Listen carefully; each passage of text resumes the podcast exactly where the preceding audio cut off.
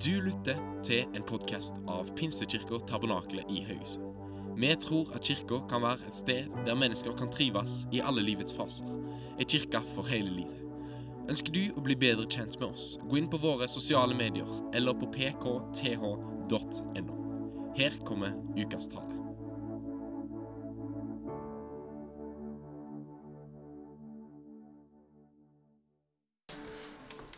Hvis du har Bibelen med deg, så kan du finne fram til Markus evangeliet kapittel 1. Og vi skal fortsette det hvor vi avsluttet forrige søndag. Tusen takk.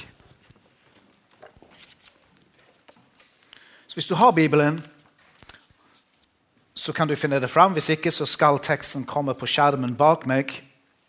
Og Vi skal lese fra versene 21 til og med 28. Så vers 21 til 28, Markus kapittel 1 i Jesu navn. Så kom de til Kapernaum, og da det ble sabbat, gikk han inn i synagogen og underviste. Alle var slått av undring over hans lære, for han lærte dem med myndighet og ikke som de skriftlærde. Nå var det i synagogen deres en mann med en urein ånd, og han satte seg i å rope. Hva vil du oss, Jesus fra Nasaret? Er du kommet for å ødelegge oss? Jeg veit hvem du er, Guds hellige. Men Jesus truet ånden og sa, Ti stille og far ut av ham. Og den ureine ånden reiv og sleit i mannens skrek høyt og for ut av ham. Alle ble forferdet. De snakket i munnen på hverandre og sa, 'Hva er dette?' En ny lære og med myndighet. Han befaler til og med de ureine åndene, og de adlyder ham. Og ryktet om ham kom straks ut overalt i hele Galilea-området. Amen. Utrolig, utrolig historie. For deg som ny i kirken, er det kanskje ikke slik at du har fått dette med deg. For du som har gått her en stund, så er du nok klar over dette. At jeg er rimelig begeistret for fotball. Det er nok noen som har fått dette med seg. Og uh, da er det ett lag spesielt som jeg uh, heier på. Jeg skal ikke si noe mer om det. Men jeg er veldig glad i fotball. Og, og, uansett om det er dyktige spillere som spiller på lag som er på en måte ikke så gode som det laget jeg heier på, har de gode spillere, så er det flott å se på. Se talentet, se evnene. Se et flott mål. Se noen som har den nydelige gjennombruddspasningen. En som kan takle bra, litt som en klipper på midtbanen. Eller en keeper som er dyktig. Alle disse tingene er flott å se. på en måte Atleter, dyktige mennesker som har litt eh, evne utover det normale. Det, det er begeistrende å se på, og sånn har jeg det. De er jo flinke, og de er flotte å se på. Men uansett hvor flinke de er, så fins det én på den banen som har litt mer å si om kampen enn de som spiller. Jeg vet ikke om du har lagt merke til han. Men det er noen som er veldig flinke og som kan veldig mye, men de kan jo også kanskje gjøre ting som ikke er helt lovlige. Eller det kan være andre regler som spiller inn på kampen. Og da er det en som har en fløyte som eh, kan ta fløyten fram. Og når han blåser i den, uansett hvor flinke de er, er de nok helt sikkert mange hakk bedre enn han som har fløyten. Han har nok ikke de samme egenskapene eller evnene som han med fløyten har. Men når han blåser i fløyten, uansett hva det er, så må spillerne stanse opp. Og så er det sånn at de må gjøre det han sier. Ikke sant? Hvis han blåser straffe, så, så er det straffe. Ja, Av og til så er det ikke straffe, men det er straffe.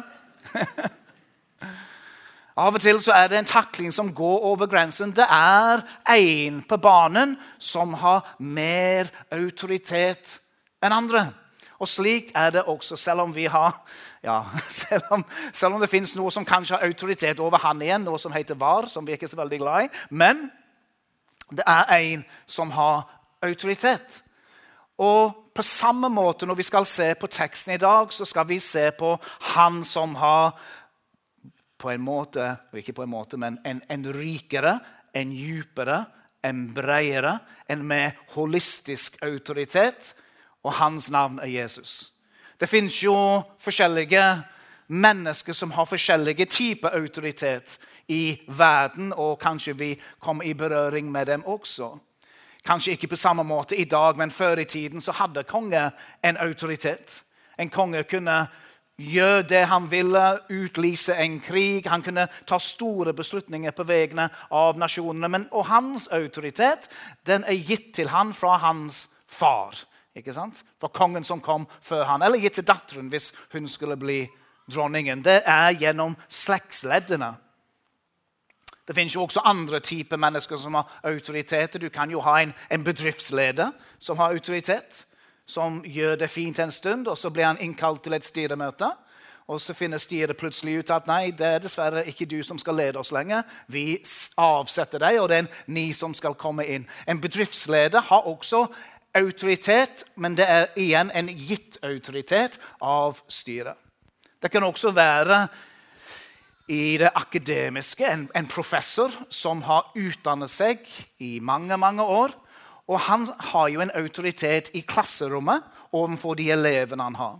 Men det er kun der han har autoritet. Det hjelper ikke han å stille seg opp på andre arenaer kanskje, og, og liksom bruke sin professortittel til å utøve autoritet. Sånn er det jo ikke.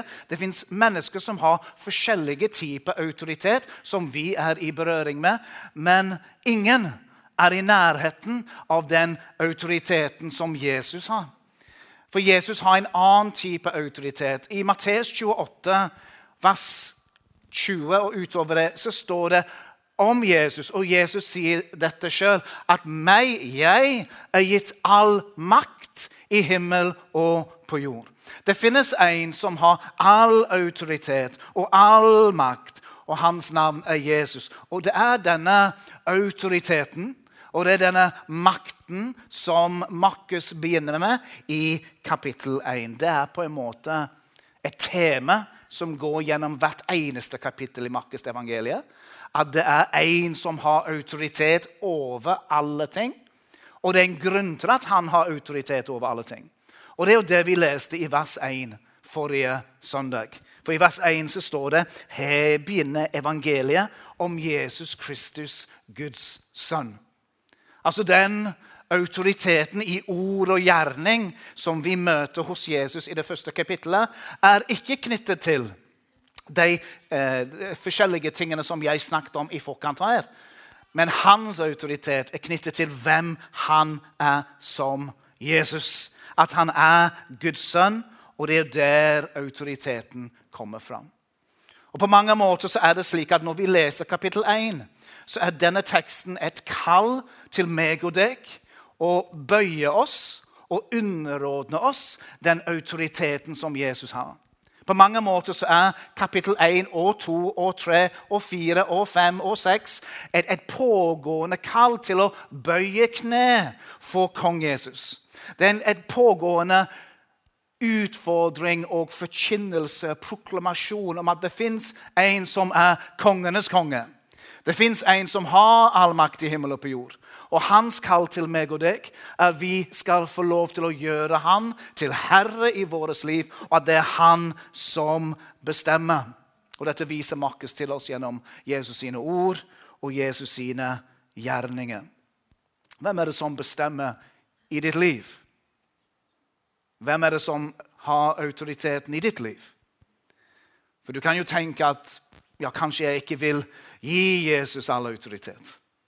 Eller kanskje, kanskje jeg vil ja, Trenger jeg egentlig noe autoritet i det hele tatt? Jeg kan bare leve mitt liv, liksom. Jeg kan bestemme litt når jeg vil, og når jeg ikke vil.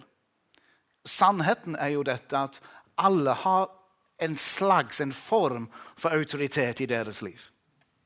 Kanskje de ikke har tenkt over det, men slik er det nok. At for noen så er det tankene som er autoriteten i deres liv. Tankene, logikken, fornuften, filosofien. Og Det er kanskje de som Bibelen beskriver i ordspråkene 3-5. At det, det, er mennesker som lener på sin egen forståelse, 'understanding' på engelsk. Det fins jo de iblant oss, og ganske mange i vårt eget land, som sier at Gud fins jo ikke. Så jeg vil stole på min egen fornuft, min egen forståelse, det akademiet har lært meg. Og På den måten så blir tankene, intellektet, det blir autoriteten. Ja, For andre så er det deres følelse.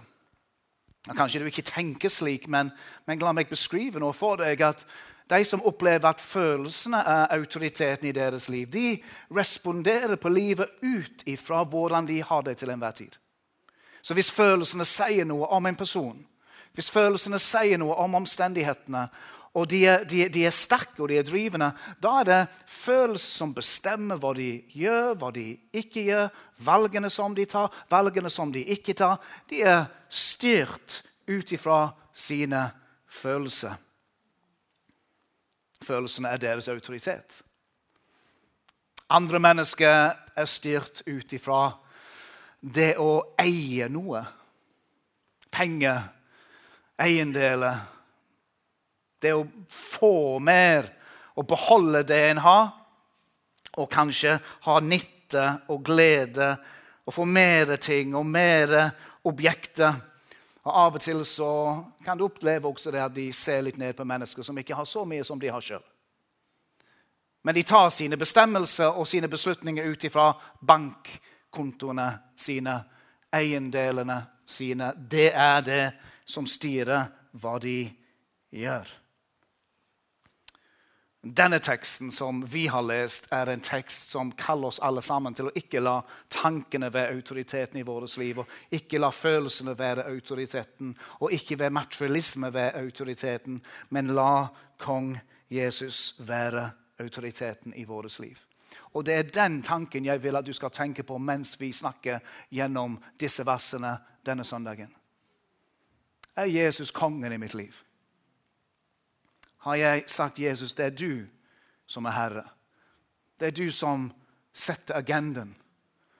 Hvis du sier dette, så gjør jeg dette. Og hvis du sier dette, så gjør jeg dette. Det er du som avgjør. Teksten begynner i alle fall med at Jesus kommer til Kapernaum.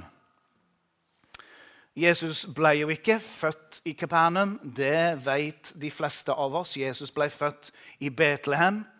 Og når Jesus ble født i Betlehem, så tok det ikke lang tid før det ble utgitt en, eh, en befaling om at alle guttebarn, jødiske guttebarn, hebraiske guttebarn, skulle avlives.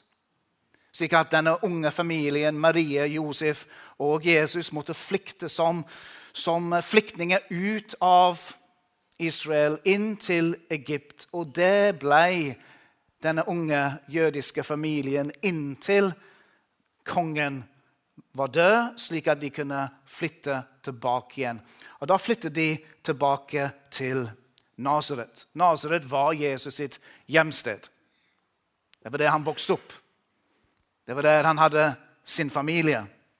Det er der han så på sin pappa, som var snekker, og lærte av ham.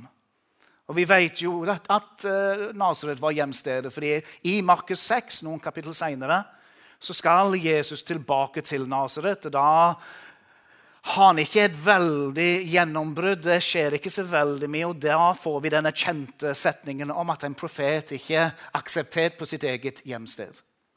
Og det er jo fordi at de, de kjenner ham. Ja, men hvordan kan Gud bruke ham? Vi kjenner jo far hans. Vi spiser jo hummus med han og ser på fotball i lag. og Kjenner jo mamma Marie. Ja, du, du gikk jo på skole med henne. Hvordan kan noe skje gjennom han? Og vi kjenner den familien så veldig godt. Og det gjenkjennelige ble faktisk noe som tok troen fra dem og begrenset hva Jesus kunne gjøre på dette sted.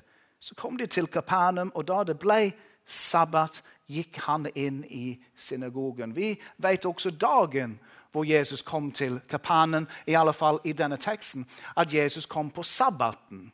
Sabbaten er lørdagen. Andre Mosebok kapittel 20 sier til det jødiske folket at sabbaten skal holdes hellig. Tanken er at vi har seks dager hvor vi arbeider. Og så kommer vi til den syvende dagen, og da skal man hvile. Og Man skal jo ikke bare hvile for hvilen sin skyld, Nei, Man skal heller ikke se tilbake på at nå har jeg jobbet hardt i seks dager, så fortjener å slappe litt av. Men du skal tenke i forhold til sabbaten at det er jo ikke mitt arbeid som har forsørget meg. men det er Herren som forsørger meg. Det er ikke min innsats det hele står på. Det er hva Gud har gjort for meg. At jeg har en skaper i himmelen. At han ser til meg. Altså, Sabbaten er en dag av tilbedelse. Det er tanken, og dette er en tanke som lever fortsatt i dag i det jødiske folket. Arbeide seks dager, hvile én dag, samles til tilbedelse. Hvor var de at de var samlet? Jo, de var samlet i en synagoge. Du kan jo tenke på, hva, hva, hva, var tanken med en synagoge? Jo, Tanken var jo dette at du hadde tempelet i Jerusalem. Og så skulle du ha type satellittempler overalt, spredt omkring. Og For å kunne ha en synagoge så måtte det være ti jødiske menn altså som var over alder 13. Har du vært i Israel, så har du hørt dette kanskje på en, en tur når du reiser rundt. Men for å ha en synagoge så må du ti jødiske menn over alder av 13. Og når du har det, så kan du opprette en synagoge. Et sted hvor de jødiske mennene og kvinnene samles for opplæring, for undervisning, for tilbedelse, for bønn, for fellesskap. Det var her Jesus var denne dagen i denne teksten. Men det er en fin liten detalj, fordi at i Lukas 4, 16 så står det om en av disse hendelsene når Jesus kommer til, tempelet, til synagogen. Og Da står det at Jesus kom til synagogen slik han pleide. Og det liker vi pastor. altså. Det synes vi er veldig fint. For Jesus han, han hoppet ikke over en søndag. Han, han, var glad i å gå på gudstjeneste. Han fikk det med seg. Så det, det er ikke noe mer om det, men det er veldig fint. Jesus hadde dette i seg. Ja, selvfølgelig Sabbaten er jo Herrens dag. Og selvfølgelig skal vi da samles for å tilbe Jesus. Nei, han skulle ikke tilbe Jesus, nei. Da blir det å tilbe seg sjøl. Det blir jo feil. Man kom for å være sammen med de andre og synge og undervise. Så er det også slik at enhver, i enhver synagoge så var det en, en, en hovedrabbi, om du vil, en hovedpastor i våre språk. Men det var også veldig vanlig at andre rabbier reiste rundt og stakk innom og hadde undervisning eller en preken. Det er litt sånn gjestepredikanter, kan vi kalle det. Det var ikke uvanlig. Det er faktisk ganske vanlig når man leser historiske tekster.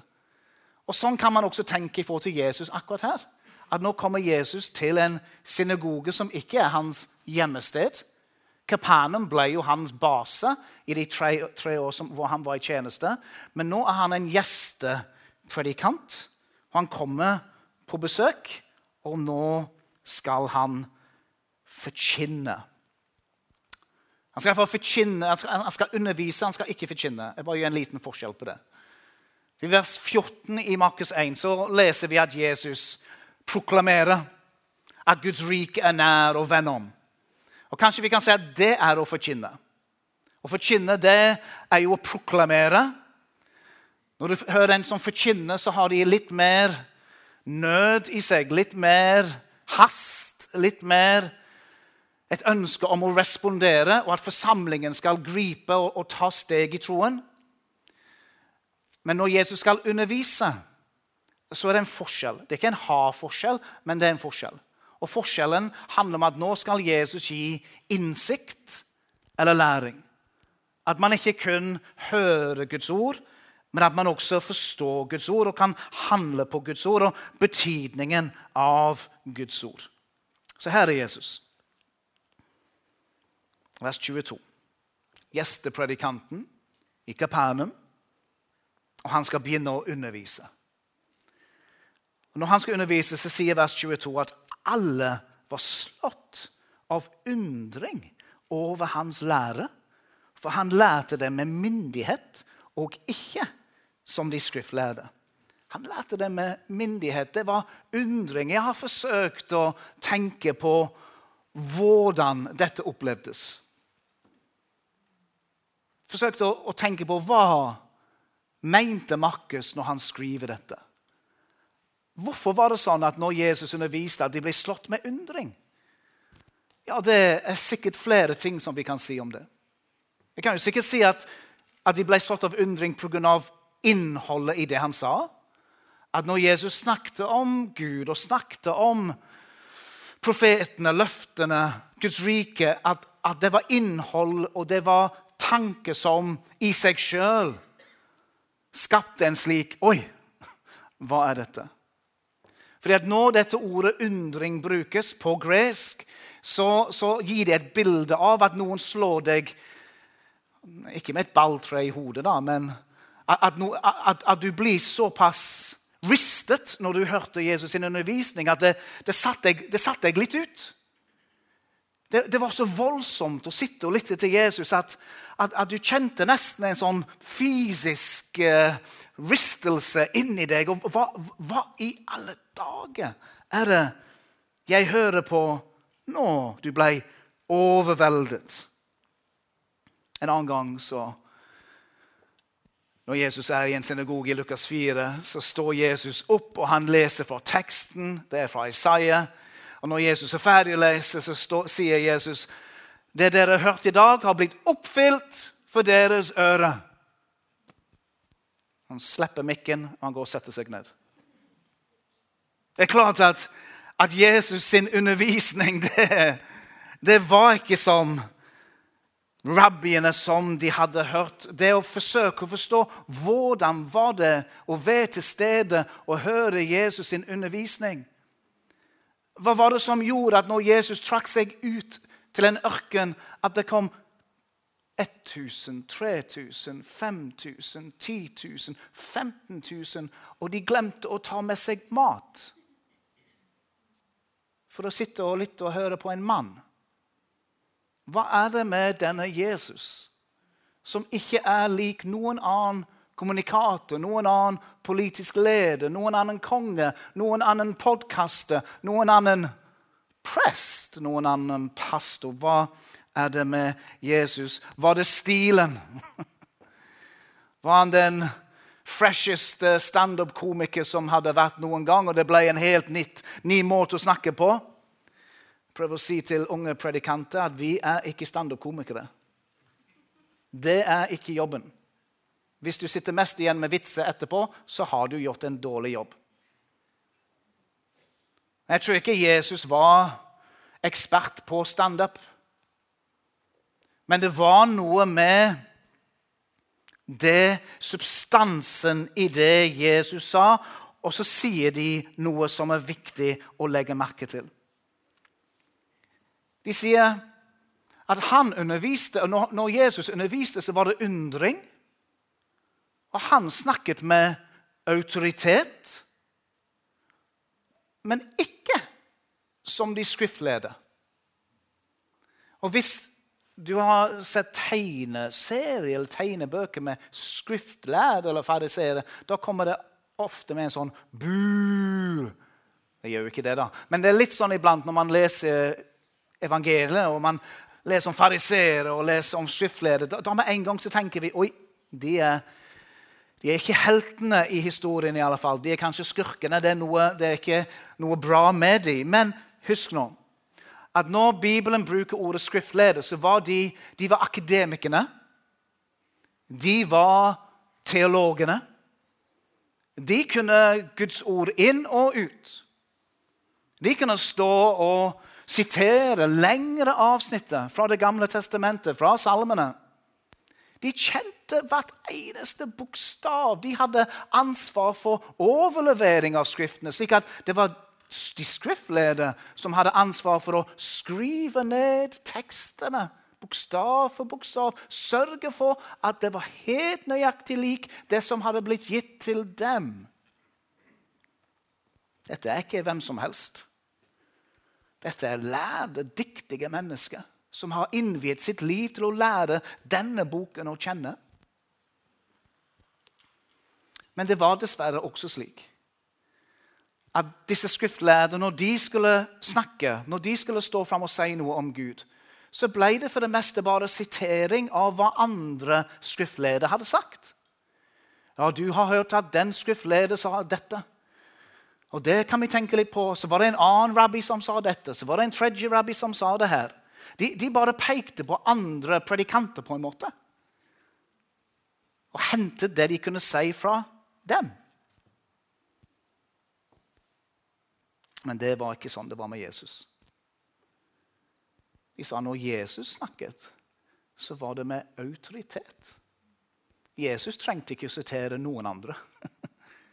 Fordi Jesus er Hvem er Jesus? Jesus er Guds sønn. Jesus er Gud selv. Slik at når Jesus skulle undervise i Matteus 5 og 6 og 7, så sier Jesus flere ganger om den største læren i Det gamle testamentet Moses. Han sier, 'Dere har hørt at det ble sagt:" 'Du skal ikke drepe.' Men jeg sier dere, hvis du har hat i ditt hjerte, så Han siterer ingen andre. Han, han har autoritet i seg sjøl til å oppjustere Guds ord. Dere har hørt at det ble sagt. Jesus sin undervisning er ulik og annerledes enn alt annet du noen gang vil høre.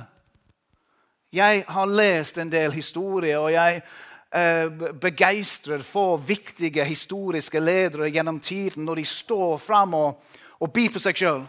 Står fram og kommer med viktige taler til folket.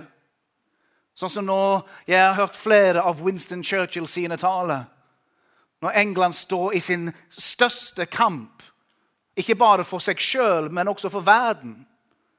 Da står Winston Churchill fram kveld etter kveld etter kveld og We will fight them on the beaches.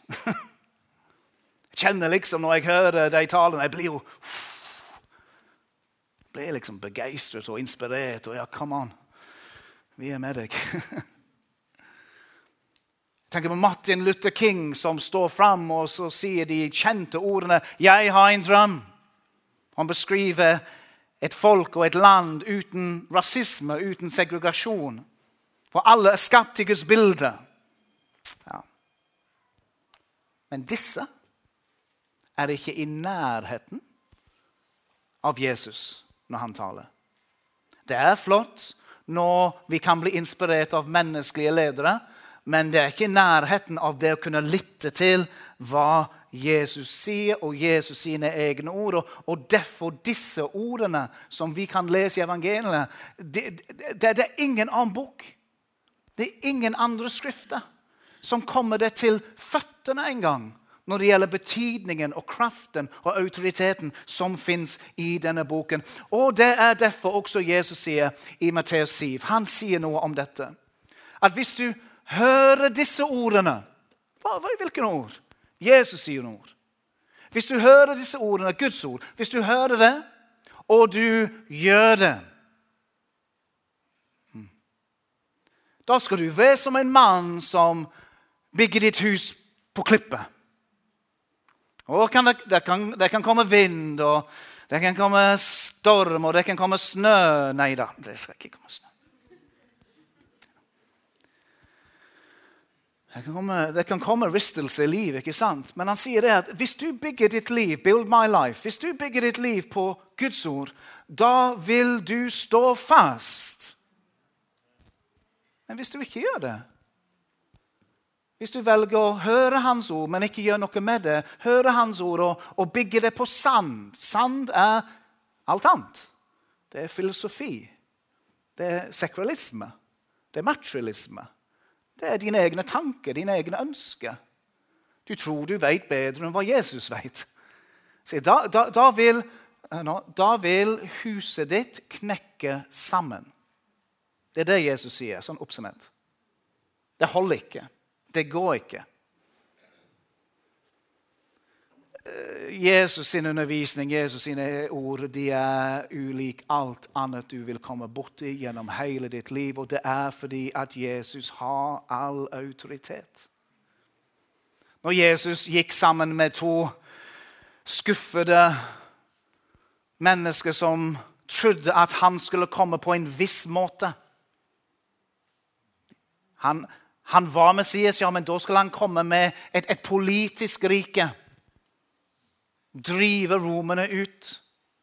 Men når de da så at Jesus ble korsfestet nei, men Det var ikke sånn det skulle bli. Så når Jesus ble korsfestet, så ga de opp. Og så tok de en tur etter noen dager bort mot et sted som heter Emos. Og når de er på vei bortover og de er skuffede, så går det en medvandrer sammen med dem. Og hva er hans navn? Hans navn er Jesus, men de, de forsto det ikke helt der og da.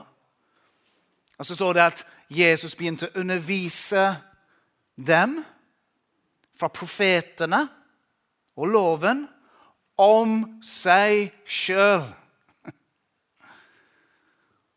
Så setter de seg ned for et lite stykke brød og noe å drikke. Og så Plutselig så forstår de hvem Jesus er, og så sier de det brant det ikke i vårt hjerte. Det er utrolige ting som skjer med disse menneskene som lytter til Jesus sine ord, og som bygger sitt liv på Jesus sine ord. Og Det er oppmuntringen fra teksten også. Oppmuntringen fra teksten er når vi møter Jesus i kapittel 1, så presenteres Jesus i vers 1 som Guds sønn.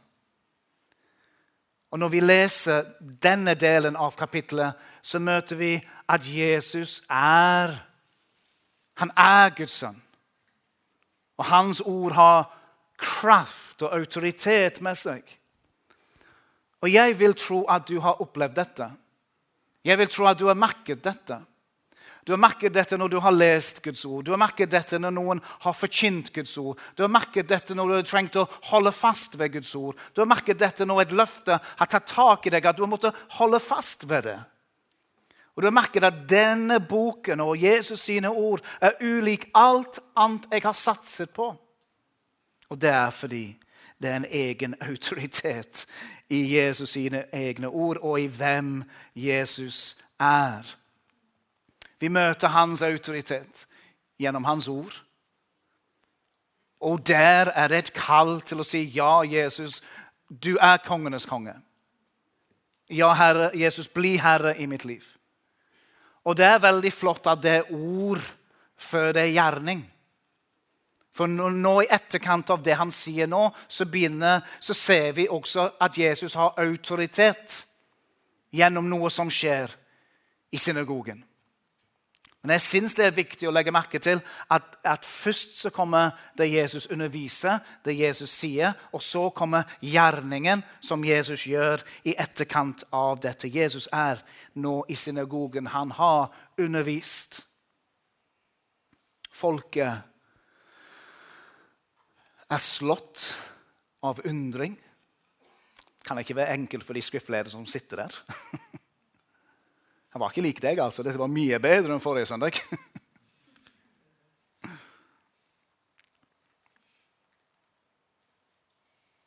Men de poengterer den enorme forskjellen.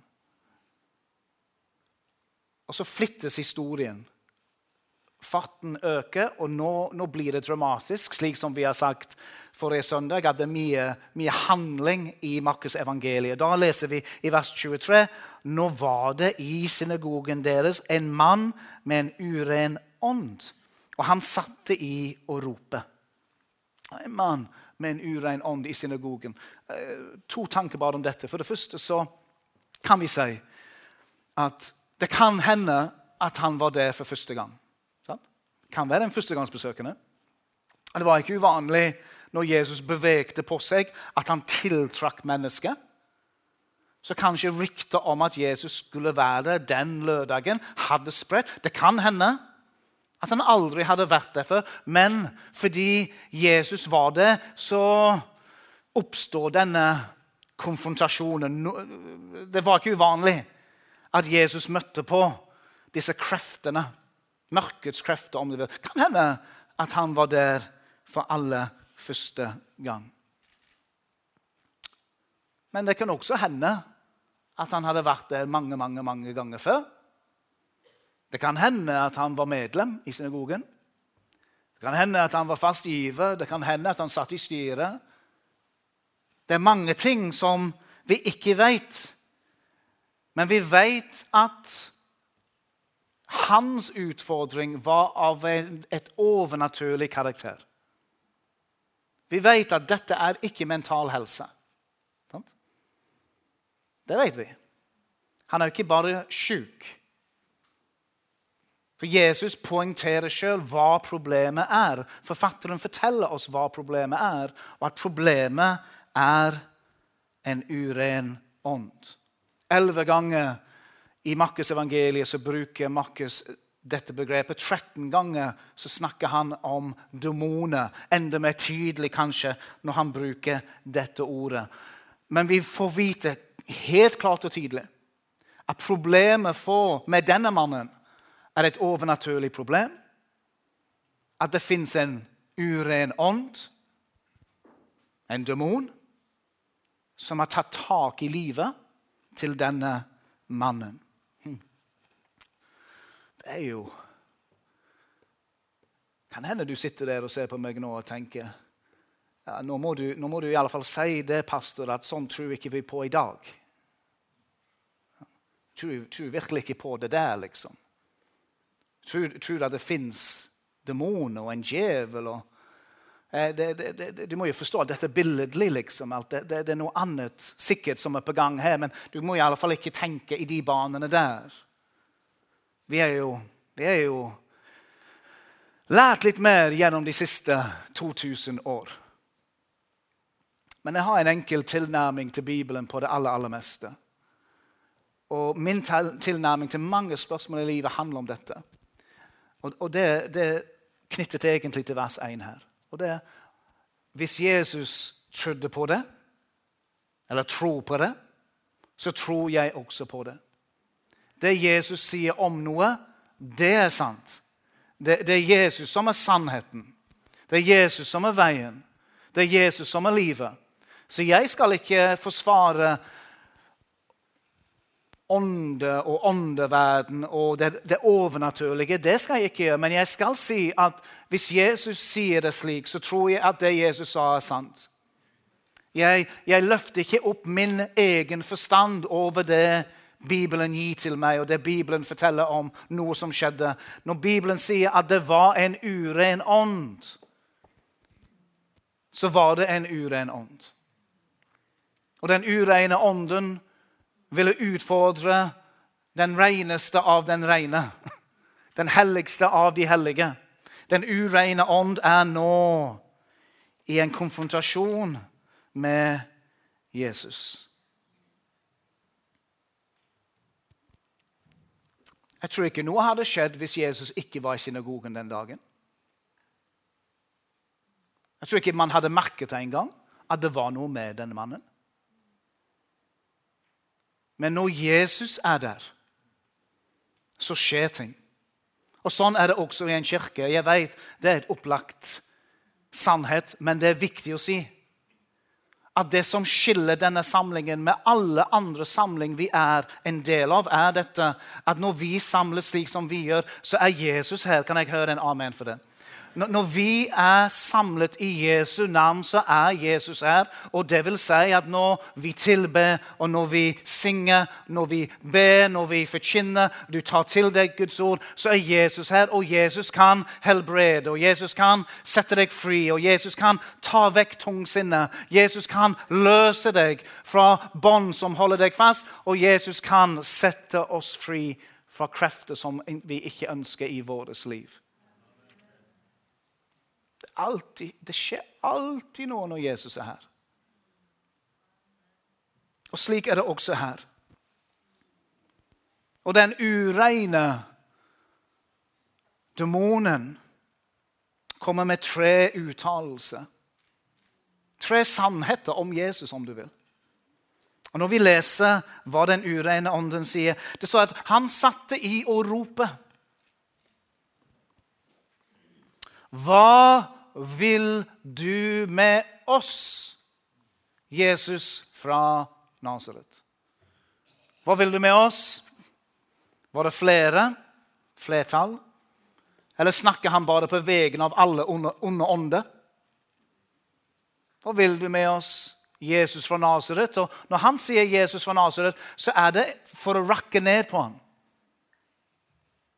Alle andre som snakker til Jesus, kaller han for, de, som, de som har respekt for Jesus, de kaller han for rabbi. Lærer. Mester. Dette kan du se i evangeliene. Men nå skal de Du er jo bare Jeg bare kaller deg for Jesus, jeg. Du var Jesus, og du, du er fra Nasaret. Det er ikke noe å skryte av. Så Demonen forsøker å poengtere hans menneskelighet, og det er likevel en sannhet at, at Jesus var 100% menneske. 100% Gud, 100% menneske. Derfor kan han forstå oss når vi går gjennom ting som ikke er enkelt og som er vanskelig, og vi går gjennom sykdom eller om vi går gjennom relasjonelle utfordringer og vi har det tungt. Jesus vet hva det er. Han går i forbund for oss. Men han poengterer først dette, og så sier han, 'Er du kommet for å ødelegge oss?' you betcha. Er du kommet for å ødelegge oss? Egentlig, eh, På gresk kan dette leses på to måter. Som et spørsmål eller som en uttalelse. Så vi velger uttalelsen. Du har kommet for å ødelegge oss. Er det demonen sier. Han vet at Jesus har autoritet. Han vet at det Jesus, hvem Jesus er, og det Jesus sier, det må alle lide. Om det er ånd, eller om det er menneske. Så sier mannen med den tredje uttalelsen, 'Jeg veit hvem du er'. Du Guds hellige. Jeg vet hvem du er, du Guds hellige. Og vi vet også hvem han er. Han er Guds hellige. Han er Guds sønn. Han er Messias. Han er alfa og omega. Han er veien, han er sannheten, han er livet. Ah, Jesus. Og når Jesus da skal Bare, bare følg med på dette. fordi om, det, det, er mange, det, er så mange, ting rundt dette. Og, og du kan finne dette på så mange mennesker som, som uh, gjør litt sånne ting også i dag. ikke sant? Men, men legg merke til Jesus. For, for, det første så, Jesus, når han, skal, når han skal løse situasjonen, så begynner han ikke å, å samtale med den ureine ånden. Hva heter du? Hvem er du? Hvor mange er altså, Han gjør ikke noe sånt. Jesus legger ikke hendene på mannen. Jesus kommer ikke med olje på mannen. Jesus tilkaller ikke de andre disiplene til å stå i en bønnering rundt. Og alle ber i tunge samtidig. Nei. Jesus har autoritet, skjønner du. Jesus han bare sier 'ti stille'. Hold kjeft. Ja, det er det han sier. Lukk din munn. Det er nok nå. Og så kommer han med en befaling som løser mannen ut. Og så ser vi at det Jesus sier, vi ser disse få ordene, de har makt. Altså, han har ord, men han har også makt til å gjøre det han sier. Og slik er det også når vi leser ordene i evangeliene i Det nye testamentet. De er ikke bare ord, dere. De er innåndet av Gud. Fullt av Guds kraft, av Guds liv, av Guds ånd. Slik at det Gud sier gjennom sitt ord, det holder. Det har kraft til å utrette det det sier. Og mannen ble satt fri. Halleluja. Jesus, kan vi få lovsangstime fram, og så kan vi synge Kong Jesus? Og vi kan reise oss. Jeg har lyst til å si det slik. Jesus han, han blir presentert til oss som Guds sønn og som den som har autoritet. All autoritet. Det Jesus da kaller oss til, det er at vi underordner oss Han. At vi bøyer kne, bøyer hjertet, bøyer livene våre for denne kongen. Og la Han få sette agenda. La Han få lede. At vi bygger vårt liv på Hans ord. Takk for at du lytta til vår podkast. Vi håper at undervisningen kan være til inspirasjon og hjelp inn i din livssituasjon. Du er hjertelig velkommen til møter i Pinsekirken Tabernakel Haugesund klokka tolv på søndager. Ha ei velsigna uke.